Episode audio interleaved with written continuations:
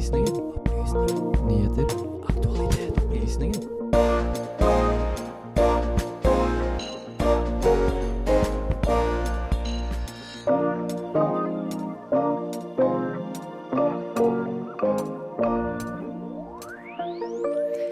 Donald Trumps brytekamp med loven har ikke sett ut til å påvirke verken han eller tilhengerne hans. Anklagene har vært mange, men nå på tirsdag ble den tidligere presidenten for første gang funnet skyldig for seksuelt overgrep. Det stopper ikke eh, Donald Trump å, fra å drive valgkamp, men kan han egentlig stille til valg i 2024? Det er bare fem dager til det braker løs med feiring, flagg og festdrakter. Festdrakter har vært blant oss i mange år, men vi har tatt tempen på festdraktfeberen. Hva er forskjellen mellom festdrakten og bunaden? Mannlig prevensjon har vært arbeida med veldig lenge uten hell. Nå har det kommet en tilsynelatende 100% sikker, sikkert alternativ for menn. Storbritannia har eh, kronet sin nye konge, kong Charles 3., i en overdådig seremoni. Dette skjer hele 70 år etter dronning Elisabeth ble kronet.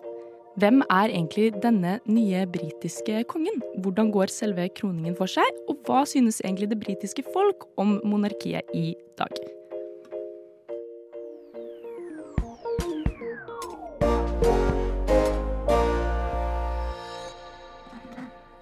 God morgen, nå er klokka ti, og du hører på Opplysningen på Radio Nova. Jeg heter Tuva Hassel og skal lede dere gjennom den neste timen med nyheter.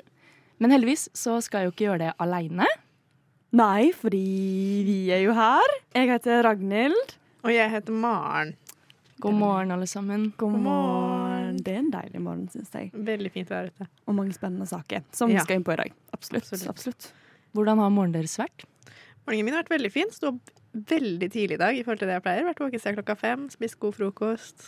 Klart meg bra. Hvorfor det, da? Jeg har vært på sending tidligere i dag med Radio Nova sitt andre program Frokost. Oi. Og vært med der, som har vært veldig gøy. Og da måtte jeg opp tidlig, da. Og få i meg litt frokost før frokostsendinga. Jeg har også hatt en veldig fin morgen fordi jeg hørte på Maren på frokost sammen med Sander og eh, Espen. da. Og jeg hørte at du skal dedikere dagen din i dag til eh, å finne deg en kjæreste. Så jeg er veldig spent på om eh, hvordan det går, eh, Maren. Håper jeg kommer i mål. Det er det som er målet nå. Det- Kanskje, kanskje du finner en kjæreste i løpet av eh, sendinga vår i dag? Oi, Oi, oi. Det var veldig optimistisk, men kanskje det. Vi har jo Nore på teknikk her. Nei da. Hvordan har din morgen vært, da, Tuva? Eh, Den har vært fin. Jeg ble helt rørt av eh, en sang jeg hørte på, på radioen på Radio Nova i dag. En, med kazoo oppi. Det er ikke Å, ja. den vi skal høre nå, men vi kan i hvert fall høre Coconut Crab med First Taste of Love.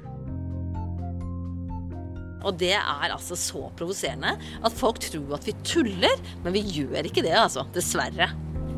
Opplysningen på Radio Nova. Aldri redd, alltid balansert.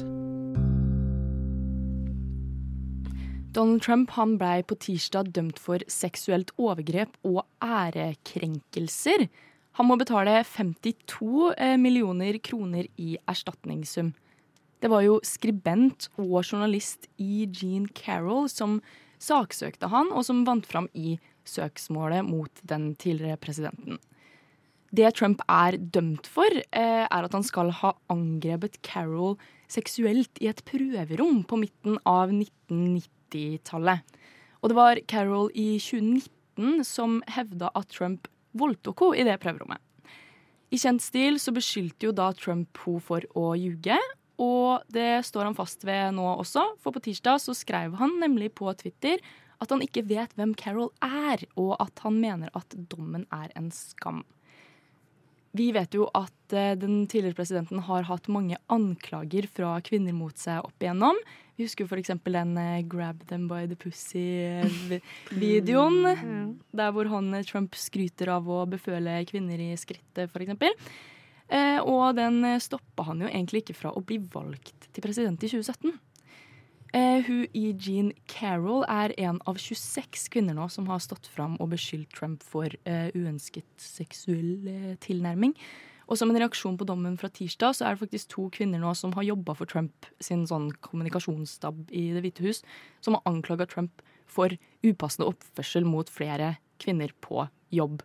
Og det som, men det som er annerledes da, med Carol sin anklage, er jo at juryen har funnet Trump skyldig i en seksualforbrytelse for aller første gang. Og nå er jo faktisk Trump godt i gang med valgkamp, for han vil jo bli president i 2024. han. Og han fikk økt oppslutning også rett før, eh, rett før rettssaken på tirsdag. Så jeg lurer på, har dere noen tanker om hva konsekvensene for Trump blir, nå som han er dømt for eh, seksualforbrytelser og ærekrenkende uttalelser? Altså, det er jo eh, flere eksperter fra VG som mener at eh, dette ikke har noe å si for eh, Trump, fordi de som først stemmer Trump, de har bestemt seg. Og republikanerne er vanskelig å rikke på det punktet. Men samtidig så er det også eksperter som mener at de yngre velgerne kommer til å bli eh, kommer til å miste det. Altså miste det, holdt jeg på å si. At eh, Trump mister den yngre da, fordi de ser opp til eh, disse eldre republikanerne. Og når de støtter noe sånt, så bare mister de troverdigheten til dem. Og ja, det skjer ikke. Men jeg vil også bare påpeke at eh, Trump er jo bandet fra Twitter.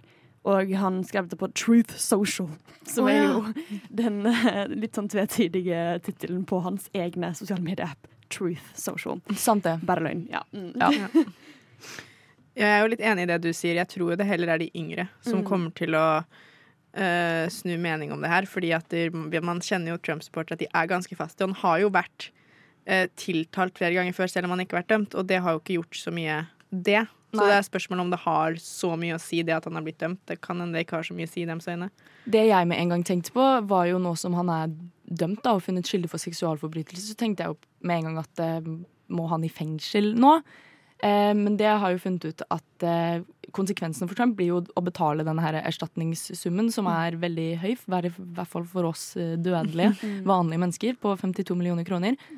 Og så kan han ikke heller komme i fengsel for dette her, fordi det her er Eller hun Carol, hun ringte ikke politiet da denne voldtekten skal ha skjedd i 1996. Men Trump han er jo, som du sier, Maren, tiltalt i en annen sak, og han er under etterforskning i mange andre. Og noen av de mest alvorlige, da, ifølge NRK i hvert fall, er jo hans rolle i angrepet på Eller den stormingen av Kongressen. Kongressen. Ja. Og så har han jo hatt noe Eller skal ha hatt noe innblanding i valgresultatet i Georgia.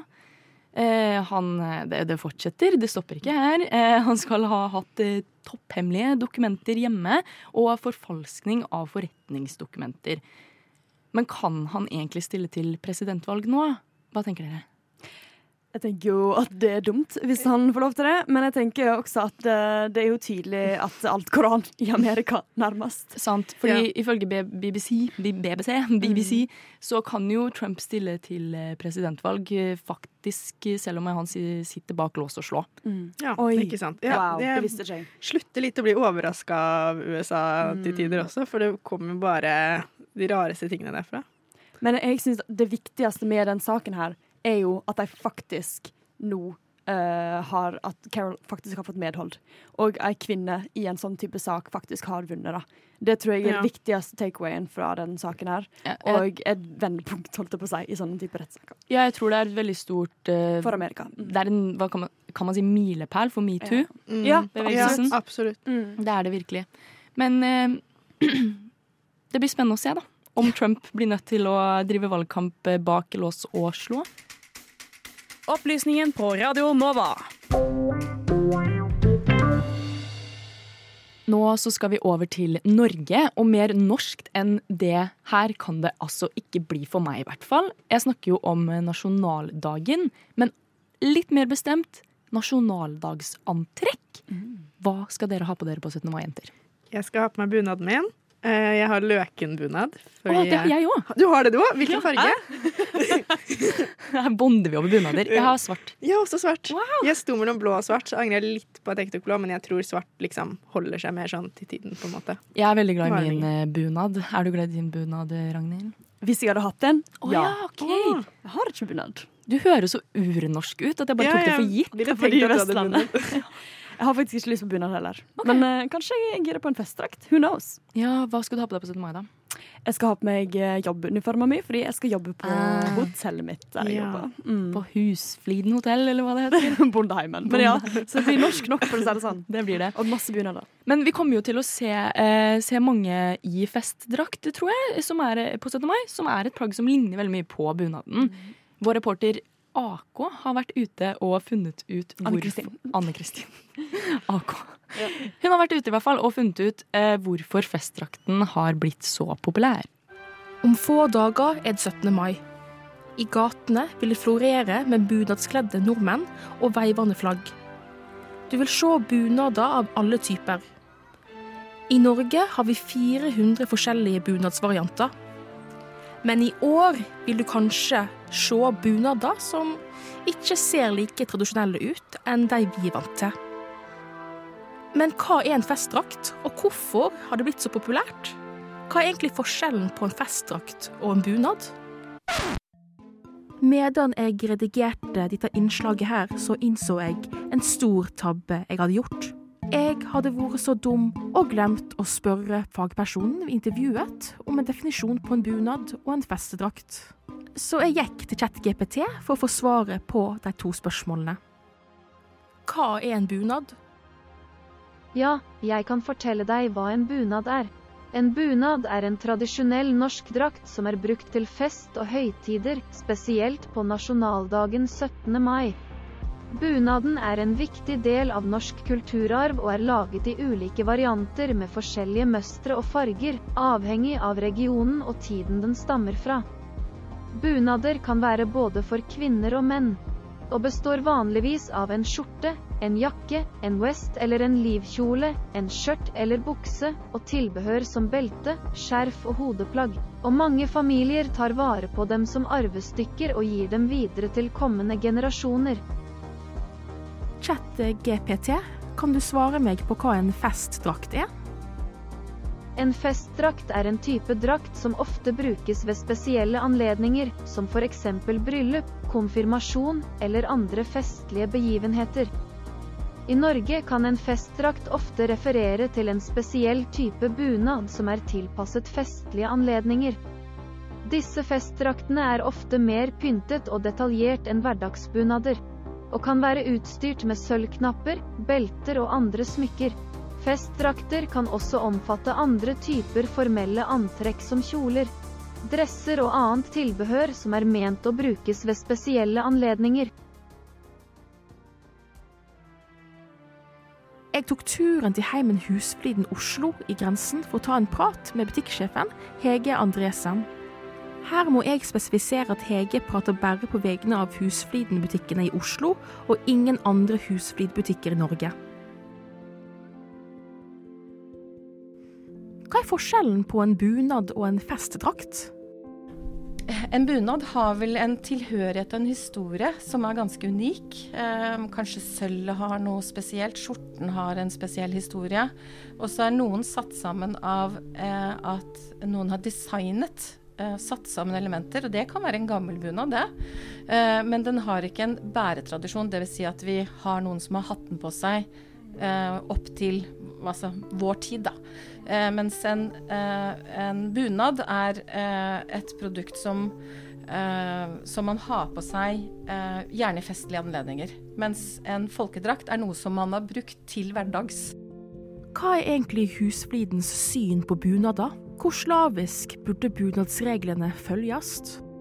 liker jo ikke sånn slavisk og regler, jeg liker ikke egentlig de ordene. Eh, fordi at bunad har liksom et mangfold som jeg syns er helt fantastisk. Og en bunad er ikke satt sammen av eh, helt rigide regler eh, og elementer. Det er liksom Hvis du skal ha en riktig bunad, så kan det hende den består av mange forskjellige deler. Og så er det noen bunader som har veldig strikte begrensninger. Eh, og så føler jeg at en, en bunad Hvis du skal kjøpe en bunad, så kjøp en bunad. Og hvis du skal kjøpe en festdrakt, så kjøp en festdrakt. Eh, men jeg skal jo ikke bestemme hva folk skal ha på seg. Det må jo de som har på seg bunad eller folkedrakt eller festdrakt bestemme. Om du f.eks. har en Askøy-bunad og legger til Oslo-sølv, Er det fortsatt en bunad da? Da blir det kanskje litt mer en festdrakt. Som du har satt i sammen av dine elementer. Eh, du har litt Asker fordi du er fra Asker. Og så har du bodd litt i Oslo, så har du litt Oslo-sølv. Og så blir det nesten en festdrakt, tenker jeg da. Men jeg har, altså, hvis du, hvis du har f.eks. en bunad fra Hardanger som også har veldig lang og altså bæretradisjon da, og historie. Eh, og så har du f.eks. arvet en gammel sølje fra bestemor. Så syns jeg kanskje det er fint å bruke den sølja, selv om den hører ikke til eh, Hardanger f.eks. Men hvis du tar kanskje en, en skjorte som har farger, eller eh, tar på eh, et annet belte og ikke kanskje bruker bringeduken, så er det jo ikke en Hardanger bunad noe mer, da. Eh, og da tenker jeg folk må bestemme seg. Har de lyst på en festdrakt eller en bunad? Det er liksom, Vil du ha en Kia eller vil du ha en Mercedes? Så der tror jeg kanskje Det er litt sånn forvirring mellom definisjonen, og jeg tenker at det, folk må bestemme hva de skal ha på seg. Eh, mangfold er fint. Men eh, vil du ha bunad eller vil du ha en festdrakt, det tenker jeg folk må bestemme seg for hva de vil ha. Det har også kommet en kjønnsnøytral folkedrakt, og den har skapt mange reaksjoner. Hva syns Heimen Husfliden Oslo om dette? Det var vel kanskje mer en festdrakt enn bunad, kanskje. Jeg vet ikke. Uh, um, ja, det har jeg ikke tatt stilling til, men kanskje. Vet ikke. Ja, nei, altså, vi har, vi har solgt uh, flere bunader vi, hvor kvinner har kjøpt uh, herrebunad, eller herrer har kjøpt damebunad. Så det selger vi også. Så det, det, det, du ønsker, det selger vi. Men vi er jo opptatt av å formidle og, og fortelle om det produktet vi selger. Uh, sånn at det som er bunad som vi selger, da. Vi selger ikke så mye folk, altså festdrakter. Vi selger bunader, og da er det liksom der vi selger produktet vårt. Og da tenker jeg det er der vårt fokus er, da. Så det, at det er noen andre som lager noe annet, det går jo fint. Det er tydeligvis mange regler som er ute og går i bunadsmiljøet. Noen bunadsregler som bunadsentusiaster mener at du bør følge, er til dømes bunadssølv. Man skal bruke bunadssølvet som tilhører sin egen bunad. Man skal helst bruke bunadssko. Man skal ikke bruke øredobber. Sånn historisk sett så har vel ikke kanskje ørepynt vært eh, riktig til de fleste bunader. Eh, for man hadde ikke hull i ørene i gamle dager, f.eks. Og når du bruker en bunadsskjorte, så skal den tilhøre den bunaden som du har, og du skal absolutt ikke bruke bunad uten skjorte. Hvis du går med bunad eh, eh, i dag, så er jo det litt gøy at i gamle dager så hadde man ikke undertøy f.eks. Man hadde verken BH eller truse. Så hvis du går med bunad i dag, brukte de jo ikke det i gamle dager. Jeg tenker at vi må leve i 2000-tallet og ikke i 1800-tallet. Den tradisjonelle bunaden har en rik historie, og mange regler gjelder. Bruker en bunad er det lite sannsynlig at du kan endre mye på hvordan den ser ut, og hvordan den er sammensatt. Så det er tydeligvis mye regler ute og går i bunadsmiljøet. Men hva skjer når bunad blir mote? For å høre en annen side av saken tok jeg turen innom Nasjonalbiblioteket en lørdag i mai. Der var det nemlig duka for en stor bunadsfest og paneldebatt. På paneldebatten, Bunad som mote, deltok klesdesigner og gründer Jenny Skavlan, historiker Unni Ermelin Kvam og motehistoriker Ragnhild Broman. De svarte på en rekke spørsmål om bunader og hvorfor flere og flere velger vekk den i bytte mot festedrakt. Det er tre hovedgrunner til hvorfor folk har begynt å velge vekk bunad i bytte mot festdrakt. For det første velger den yngre generasjonen festdrakt over bunad pga. økonomi. Bunad er dyrt, og festdrakt er billigere. For det andre har en også større frihet til å personliggjøre festdrakta, i motsetning til en bunad. Jenny Skavlan er klesdesigner og en av grunnleggerne av sykollektivet Fabrik. Og hva var bakgrunnen for å gi ut dette designet? Jeg spurte kvinna sjøl, Jenny Skavlan. Altså vi, eh, Det var egentlig litt tilfeldig at vi jobbet med et korsettmønster. Og så begynte vi å se at dette kan jo fint se ut som en overdel på en festdrakt. Og da tenkte vi at vi må jo på en måte ta det markedet litt. Um, for vi jobber jo med symønstre og videoer til. Fordi jeg tror mange trenger video for å forstå hvordan man syr ting. Så da begynte vi med det og utviklet en festdrakt som gikk over all forventning. Har du merka noen reaksjoner, både positive og negative? I utgangspunktet får vi veldig mye positive tilbakemeldinger fra folk som syr og syns det var lettere enn de hadde trodd, for vi har prøvd å gjøre mønsteret så nybegynnervennlig som mulig. Og mange spør om vi får mye negative tilbakemeldinger fordi folk tenker at det er et veldig sånn strengt bunadspoliti, men det har ikke vi opplevd. Fordi vi oppfordrer folk til å ta håndverket tilbake, bruke gjenbrukstekstiler, som er jo mer i tråd med bunadstradisjoner enn masseproduserte bunader fra andre land, på en måte. Så um, vi har, ikke, har foreløpig ikke fått så mye motstand, altså. Neste veke er det 17. mai. Vil bunadspolitiet og festdrakttilhengere endelig begrave stridsøksen? Vil den tradisjonelle bunaden slik vi kjenner han i dag, dø ut? Vil festdrakta ta helt over som nordmenns nye nasjonaldrakt? Tida vil vise. Enn så lenge, gratulerer med dagen, Norge.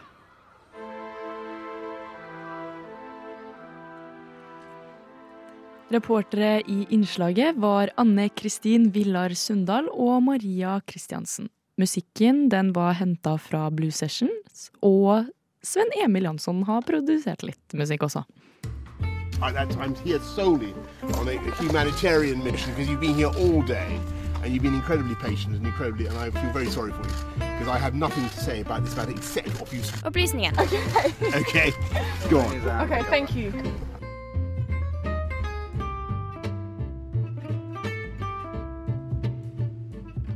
Dere, penisprevensjon det er et ord som jeg har lyst til at vi begynner å bruke. Hvorfor det, Maren?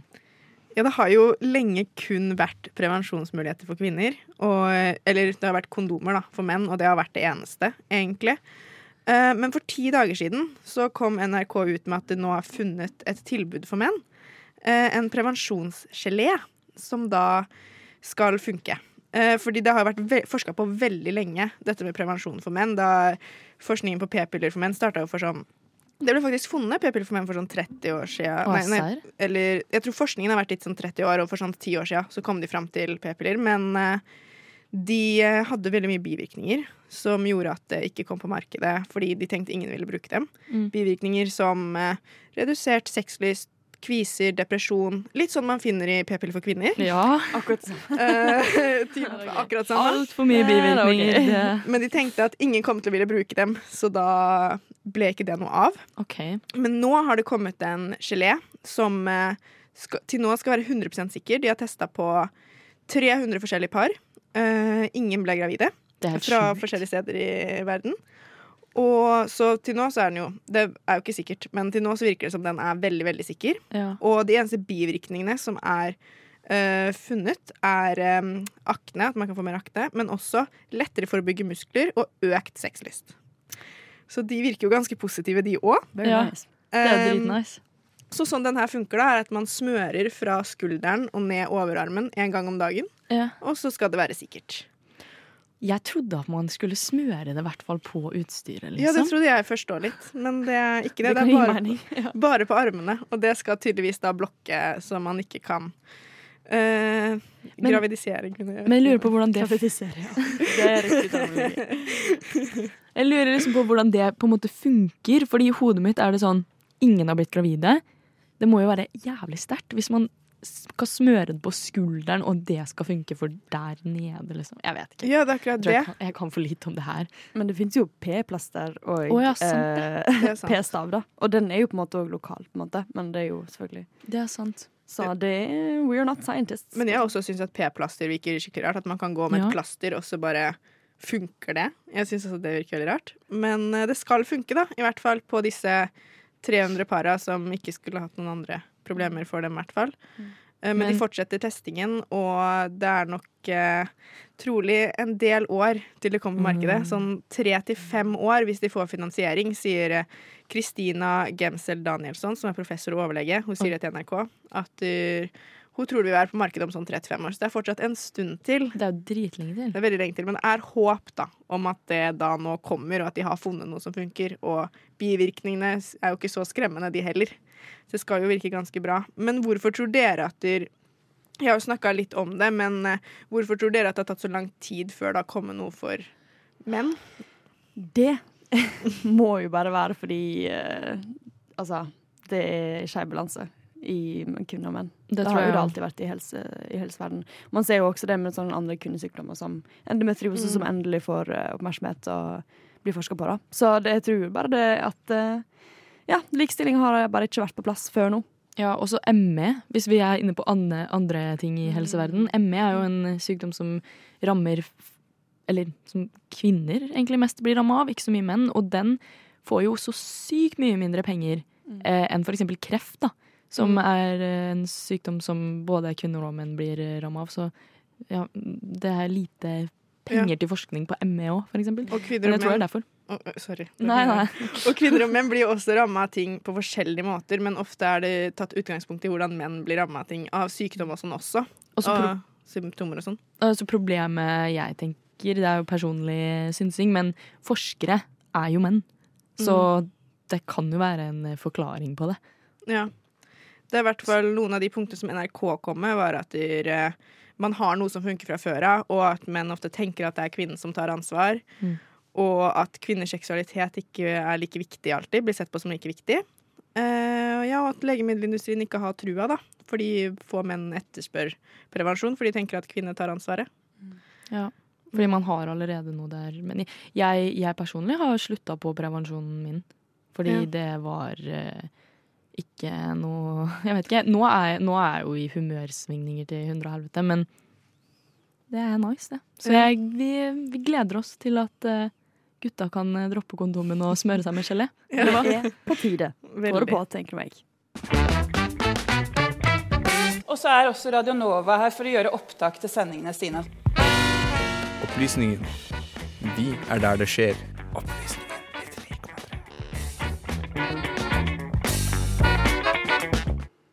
Du har sikkert helt fått med deg en viss eh, kongelig folkefest den siste uka.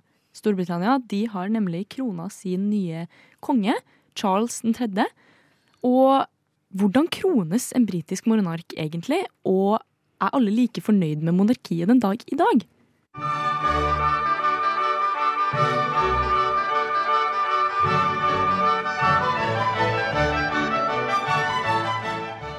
70 år siden dronning Elisabeth 2. sin kroning er det klart for atter ei kroning av en britisk monark.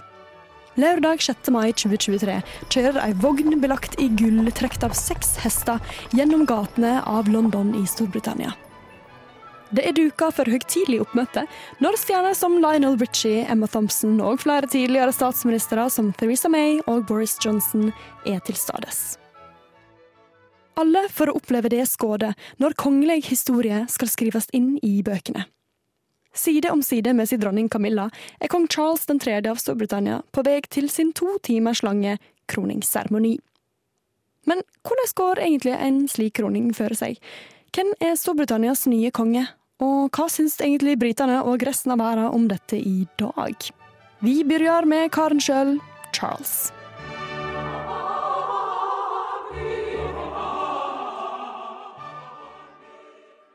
Hvem er egentlig denne karen som nå er krona som Storbritannias nye konge? Jo, kong Charles er den førstefødte sønnen av dronning Elisabeth 2. I en alder av tre år var Charles vitne til kroninga av hans 25 år unge mor, Elizabeth, som skulle bli Storbritannias lengste regjerende monark noensinne. Med ei mamma som ble fraværende pga. de mange pliktene som fulgte med dronningtittelen, fikk Charles en ensom oppvekst.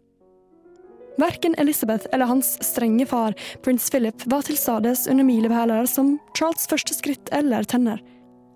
Og hans første ord avslørte også hvem han tilbrakte det meste med tida si som barn.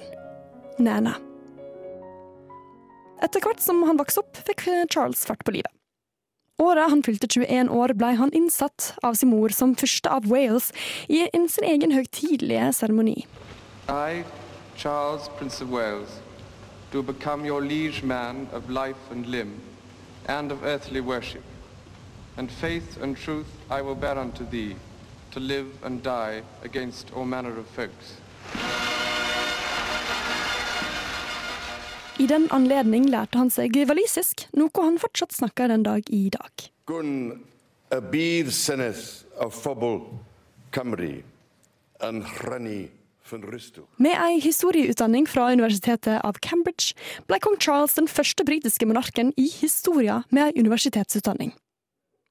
Under hans tid hjå Cambridge fikk prinsen også ta flygetimer, og kvalifiserte seg som helikopterpilot i 74. Med prinsetittelen følger med en god dose popularitet, og ikke minst fra det motsatte kjønn. I sin tid som ungkar var Charles romantisk knytt til et knippe kvinner, men det var særlig ei dame som peka seg ut for den unge prinsen. Camilla Shand. I begynnelsen var Camilla nokså ukjent for mange. Men dette navnet skulle være på manges lepper i åra som kom, og bli knytt til kvinner som Charles gifta seg med i 1981. Prinsessa av hele det britiske folk sine hjerter. Diana Spencer. Sammen fikk Charles og Diana to sønner, William og Harry. Ekteskapet hadde dog ingen lykkelig ende da paret separerte seg i 1992 og skilte seg i 96.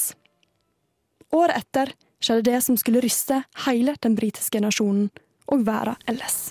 This is uh, BBC Television from London. A short while ago, Buckingham Palace confirmed the death of Diana, Princess of Wales. The princess died following a car accident in Paris. She was 36. Prinsesse Diana ble drepen i en tragisk bilkrasj i 97 Paris. A statement issued by the palace says the Queen and the Prince of Wales are deeply shocked and distressed by the terrible news. Åtte år senere gifta Charles seg med Camilla, hans livs store kjærleik. Spekulasjonene rundt Charles sin utroskap mot Diana under deres ekteskap er kanskje den største skandalen i hans liv. At han nå skal krones side om side med Camilla, som var hans elskerinne, er for mange nokså utrolig. Trass alle spekulasjoner skjedde det likevel.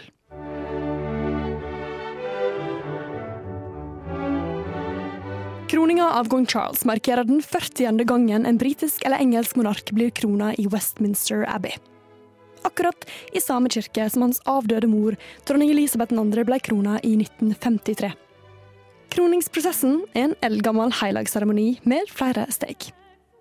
I første etappe synes kongen framfor alle til stades i kirka, som i retur tar han imot som den rettmessige kongen. I andre del skal han avlegge en ed i samband med bestemte lover og verdier som han må love å opprettholde som konge.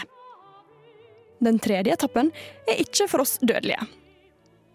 Under salvingsritualet blir kongen skjult for alle tilskuere og kamera. Etter salvinga gjør kongen seg klar for å få den om lag 2,3 kilo tunge St. Edvardskrona plassert på hodet. Krona er såpass spesiell at den bare nyttes under kroninga, og et fåtall får ta på den. Helt til slutt blir kongen hylla av alle som er samla i kirka. God save the king! Etter kroninga sverger også prins William å være kongens liege man of life and limb, og Camilla får sin egen lille kroning.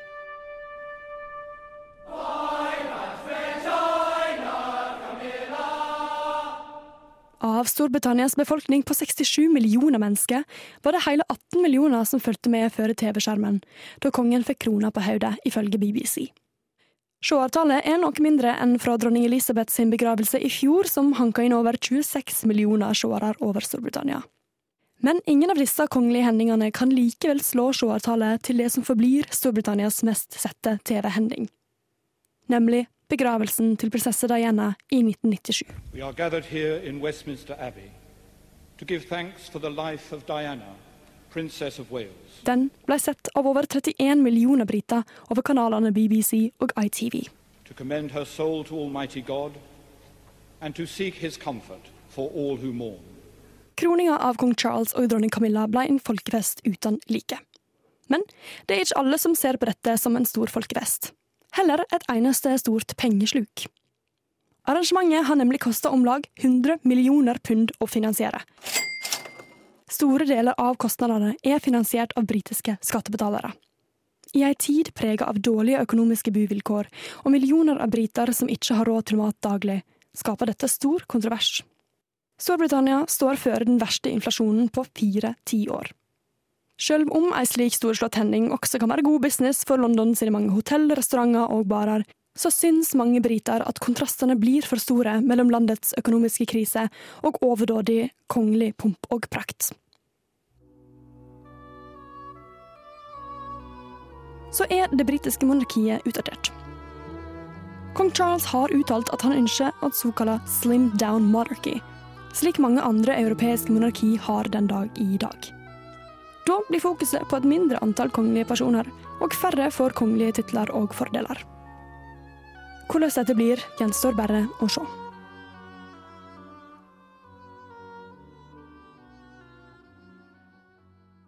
Dermed var det gjort. Storbritannia har krona sin nye konge. Og hva vil prege Charles' tid som konge i åra framover? Er monarkiet på vei til å dø ut? Alt dette vil vise seg i åra framover, når kong Charles 3. gir seg ut på rolla som Storbritannias nye konge.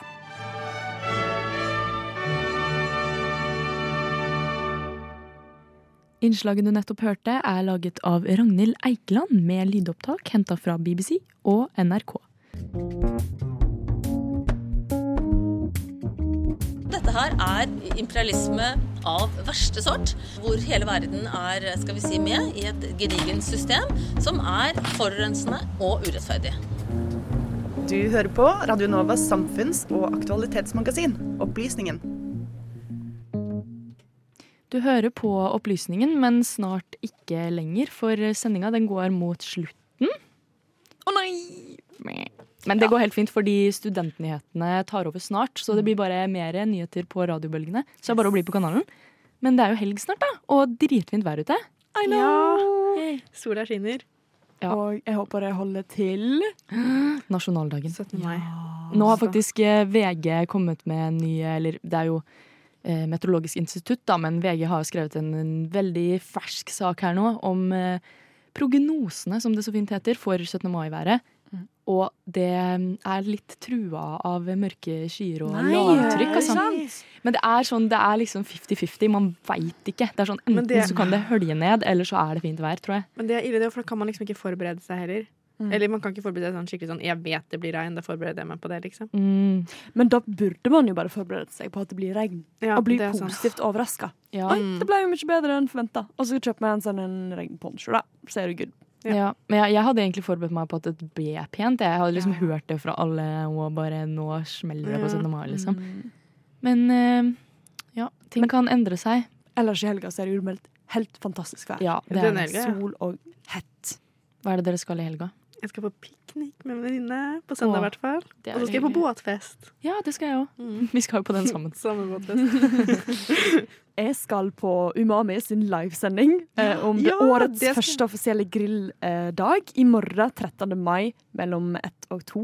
Så jeg anbefaler alle å høre på det. Vi skal ha liksom, grillvettregler og alt mulig sånt. Tune inn på Radio Nova i morgen klokka ett. da. Det tror jeg blir helt nydelig, altså. Det blir veldig nydelig. Em, ja, hva er det jeg skal i helga? Jeg har hørt at det er noe sånn skateopplegg i helga. Jeg vet ikke helt hva det er. Nei, det vet jeg ikke. Det har ikke. Så mye research har jeg ikke gjort, men det er noe som skjer. Det er sånn en, Noen av verdens beste skatere kommer til Oslo. Oi, mor moren min ringte meg på morgenen og bare 'Tuva, det er noe skating i Oslo i helga, skal du på det, eller?' Men jeg har jo nesten brekt armen, så jeg tror ikke det. Ja, jeg bare tenkte på det. At liksom, Ja. dags for en ny armbrekker. da. Apropos 17. mai-været og at ting kan snu. Plutselig brekker man armen, og plutselig hører det ned på 17. mai. Men eh, vi gleder oss til 17. mai, og du hørte på Opplysningen med meg, Tuva Hassel, Ragnhild Eikeland og Maren Skåbrand. Og så har vi Nore Vadsten på teknikk. Bli på kanalen, da. Og god helg. Men det som også er rystende, er på en måte at hvor mye av det som i 2011-2012 opplevdes som helt vanvittig, det er liksom gått inn i et slags sånn politisk hverdagsspråk nå. Veldig mange av de holdningene. Radio Novas samfunns- og aktualitetsmagasin gir deg historiene, sakene og debattene andre overser. Aldri redd, alltid balansert.